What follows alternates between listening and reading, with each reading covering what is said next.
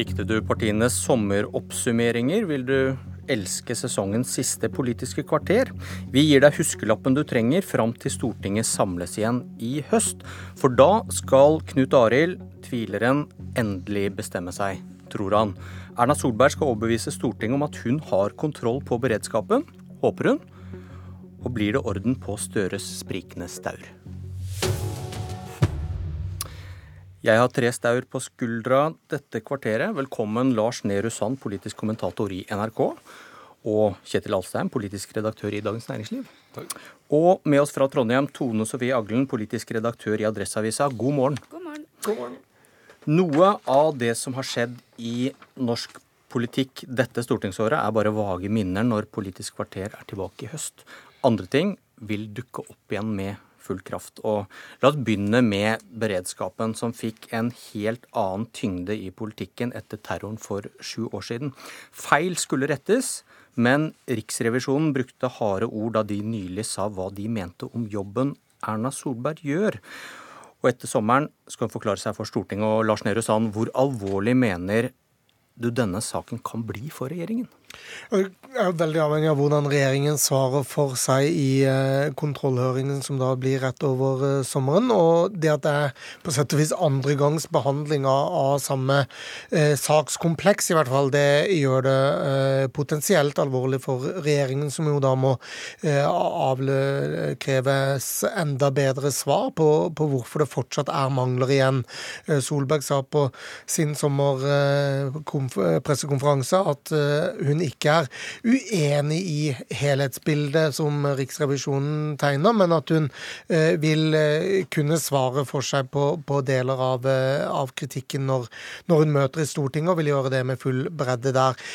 Stortinget gikk så langt de kunne forrige gang dette var oppe til behandling, og det at man da får samme sakskompleks i retur en gang til, gjør jo at det er spennende, kanskje spesielt hva Kristelig Folkeparti vil gjøre nå, hvis man føler at at man må strekke strikken litt lenger fra å da ha gitt den mest alvorlige kritikken eh, Stortinget kan.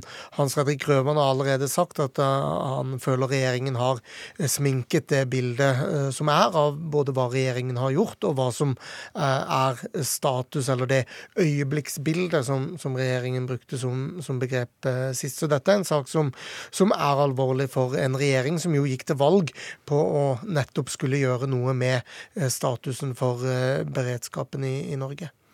Alstheim, kan regjeringen falle på denne saken? Det, det, det, kommer, det, kommer, veldig an på hva KrF eh, ser for seg, og hva, hva de Eh, hva Kristelig Folkeparti vil, eh, vil, gjøre med den saken. Det er klart det er veldig alvorlig når altså, Saken er alvorlig i seg selv, og det handler jo ikke minst om de løftene Erna Solberg ga eh, før valget i 2013 om gjennomføringskraft nettopp på, på, beredskapsområdet. Og når Kristelig Folkeparti da anklager regjeringen for at den ga et sminket bilde av situasjonen i fjor, eh, så er det et ganske dramatisk utgangspunkt for det som skal skje etter sommeren. Men det å felle en regjering handler jo som regel om at eh, det er eh, avklart et eh, flertall for en ny regjering. Og der er jo situasjonen fortsatt åpen, for å si det sånn, i, i KrF. Ja, hvordan vurderer du det, Aglen? Klarer KrF å se på denne saken helt kjølig, eller blir den koblet opp til ja, hva skjer hvis vi feller denne regjeringen?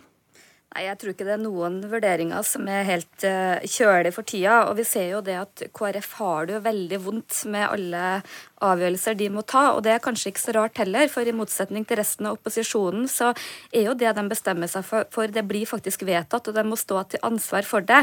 Og jeg har veldig vanskelig for å se for meg at uh, KrF feller regjeringa på denne saken. Eh, for det første så forstår jo folk at det her også er ganske krevende. Og så har vi jo sett da at Erna Solberg har en enestående evne til å leve med skarp kritikk og klare å riste det av seg.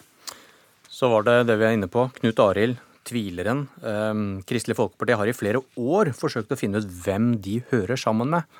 Høyresiden eller venstresiden. Og Alstheim, hvordan, hvordan skal Hareide nå klare å samle trådene og konkludere i høst som varslet? Dette har jo vært et tema på flere av disse eh, partienes eh, oppsummeringer før sommeren. altså hva, hva, skal skje, hva er det KrF skal gjøre? Og det er flere som tror at Kristelig Folkeparti da skal ta, ta et valg eh, til høsten.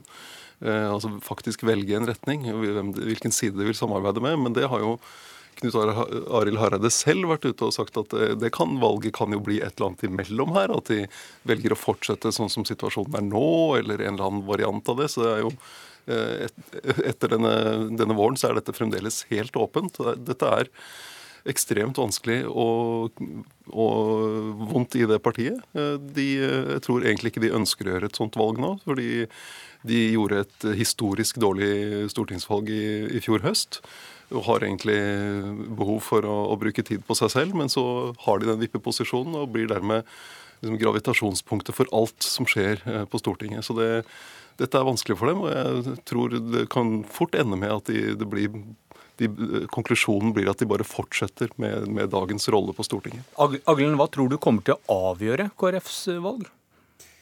Det jeg hører nå, er jo at de ser at det er utrolig krevende å være på vippen. Man tror jo liksom at det er en drømmeposisjon, men KrF sliter seg veldig ut på saker hvor de har ingenting å tjene. Så tror jeg nok at de vil følge litt med på Venstre. Jeg tror ikke eh, om de er en suksess i regjering eller ikke, tror jeg er altfor tidlig å svare på. Og så vil man jo kanskje tro da, at de ville analysere litt velgerne sine, grunnfjellet. Og vi ser jo det at eh, de tillitsvalgte i KrF er nok rødere enn jeg tror velgerne er. Men så opplever vi også at KrF er veldig følelsesstyrt og har utrolig vondt for å ta beslutninger. Så jeg tror nok at eh, det er mer sannsynlig at de kommer med en sånn eh, mellomposisjon og trår vannet videre. Eh, Lars Nehru Sand, eh, KrF gikk til valg på å ikke regjere med Frp. Kan det likevel ende slik? Ja, Det kan du. Det er jo et todelt svar eh, Kristelig Folkeparti må, må gi. Eh, de må først svare på hva de gjør denne perioden her. Eh, for det kommer man jo til å, å avkreve dem et svar på eh, nærmest fortløpende. Eh, og det andre er jo selvfølgelig hvordan de posisjonerer seg i 2021. Eh, Så skal partiet ha et landsmøte neste år, altså våren 2019. og det blir jo første mulighet hvor partiets høyeste organ, hvis ikke det kalles inn ekstraordinært, kan oppheve eller fornye det vedtaket som, som ble gjort uh, før valget i 2017. Og Skal man gjøre det nå midtveis, uh, uten at velgerne på en måte har fått forholde seg til det, så vil nok det føles veldig rart for, for mange om man neste år skulle si at vi går inn i, i regjeringen Solberg uh, når Ap ligger så lavt som det gjør, og, og, og gjør liksom den, den vurderingen der da, uten at velgerne har fått, fått rede på den oppdaterte informasjonen det vil være hvis, hvis KrFs landsmøte fatter fatter et eh, fornya vedtak. For å avslutte dette med borgerlig side. Det blir, det blir færre milliarder å smøre et samarbeid med i årene som kommer. og Hvordan vil det merkes når Solberg skal samle flertall for statsbudsjettet for 2019? Eh, ja, det bør jo bli vanskeligere. Det har jo, Den første perioden, første fire årene så ble jo dette samarbeidet smurt med ekstremt mange oljemilliarder. Og det, det, det går jo ikke i lengden. Regjeringen har jo skrevet en perspektivmelding som viser hvor det bærer hvis man, hvis man gjør det. Eh, så det er klart, det blir, da blir det vanskeligere å få budsjettene til å eh, være store nok til at alle får, får noe, får sitt. Arbeiderpartileder Jonas Gahr Støre har dobbelt opp med samarbeidsproblemer. Først må de kanskje klare det internt i partiet. Og Tone Sofie Aglen, har, har partiet en ledelse som kan samle partiet? Det enkle svaret på det er nei. Og det handler om tre ting, minst. Eh, jeg opplever at det er en partiledelse som ikke har nødvendig tillit eh, hos sine medlemmer. Jeg opplever at det er sterke motsetninger internt, og at de samarbeider for dårlig. Og så er det også en politisk undertone at de, de, jeg tror de utfyller hverandre ikke godt nok. Jeg tror ikke de har en bred nok appell i eh, partiet sitt. Og det er ikke noe tvil om at uh, Trond Giske, når han gikk ut av partiledelsen, etterlot seg et hull. Sand, hvordan skal Støre klare å få snakket om politiske saker i høst? Kan han på noen måte styre dette?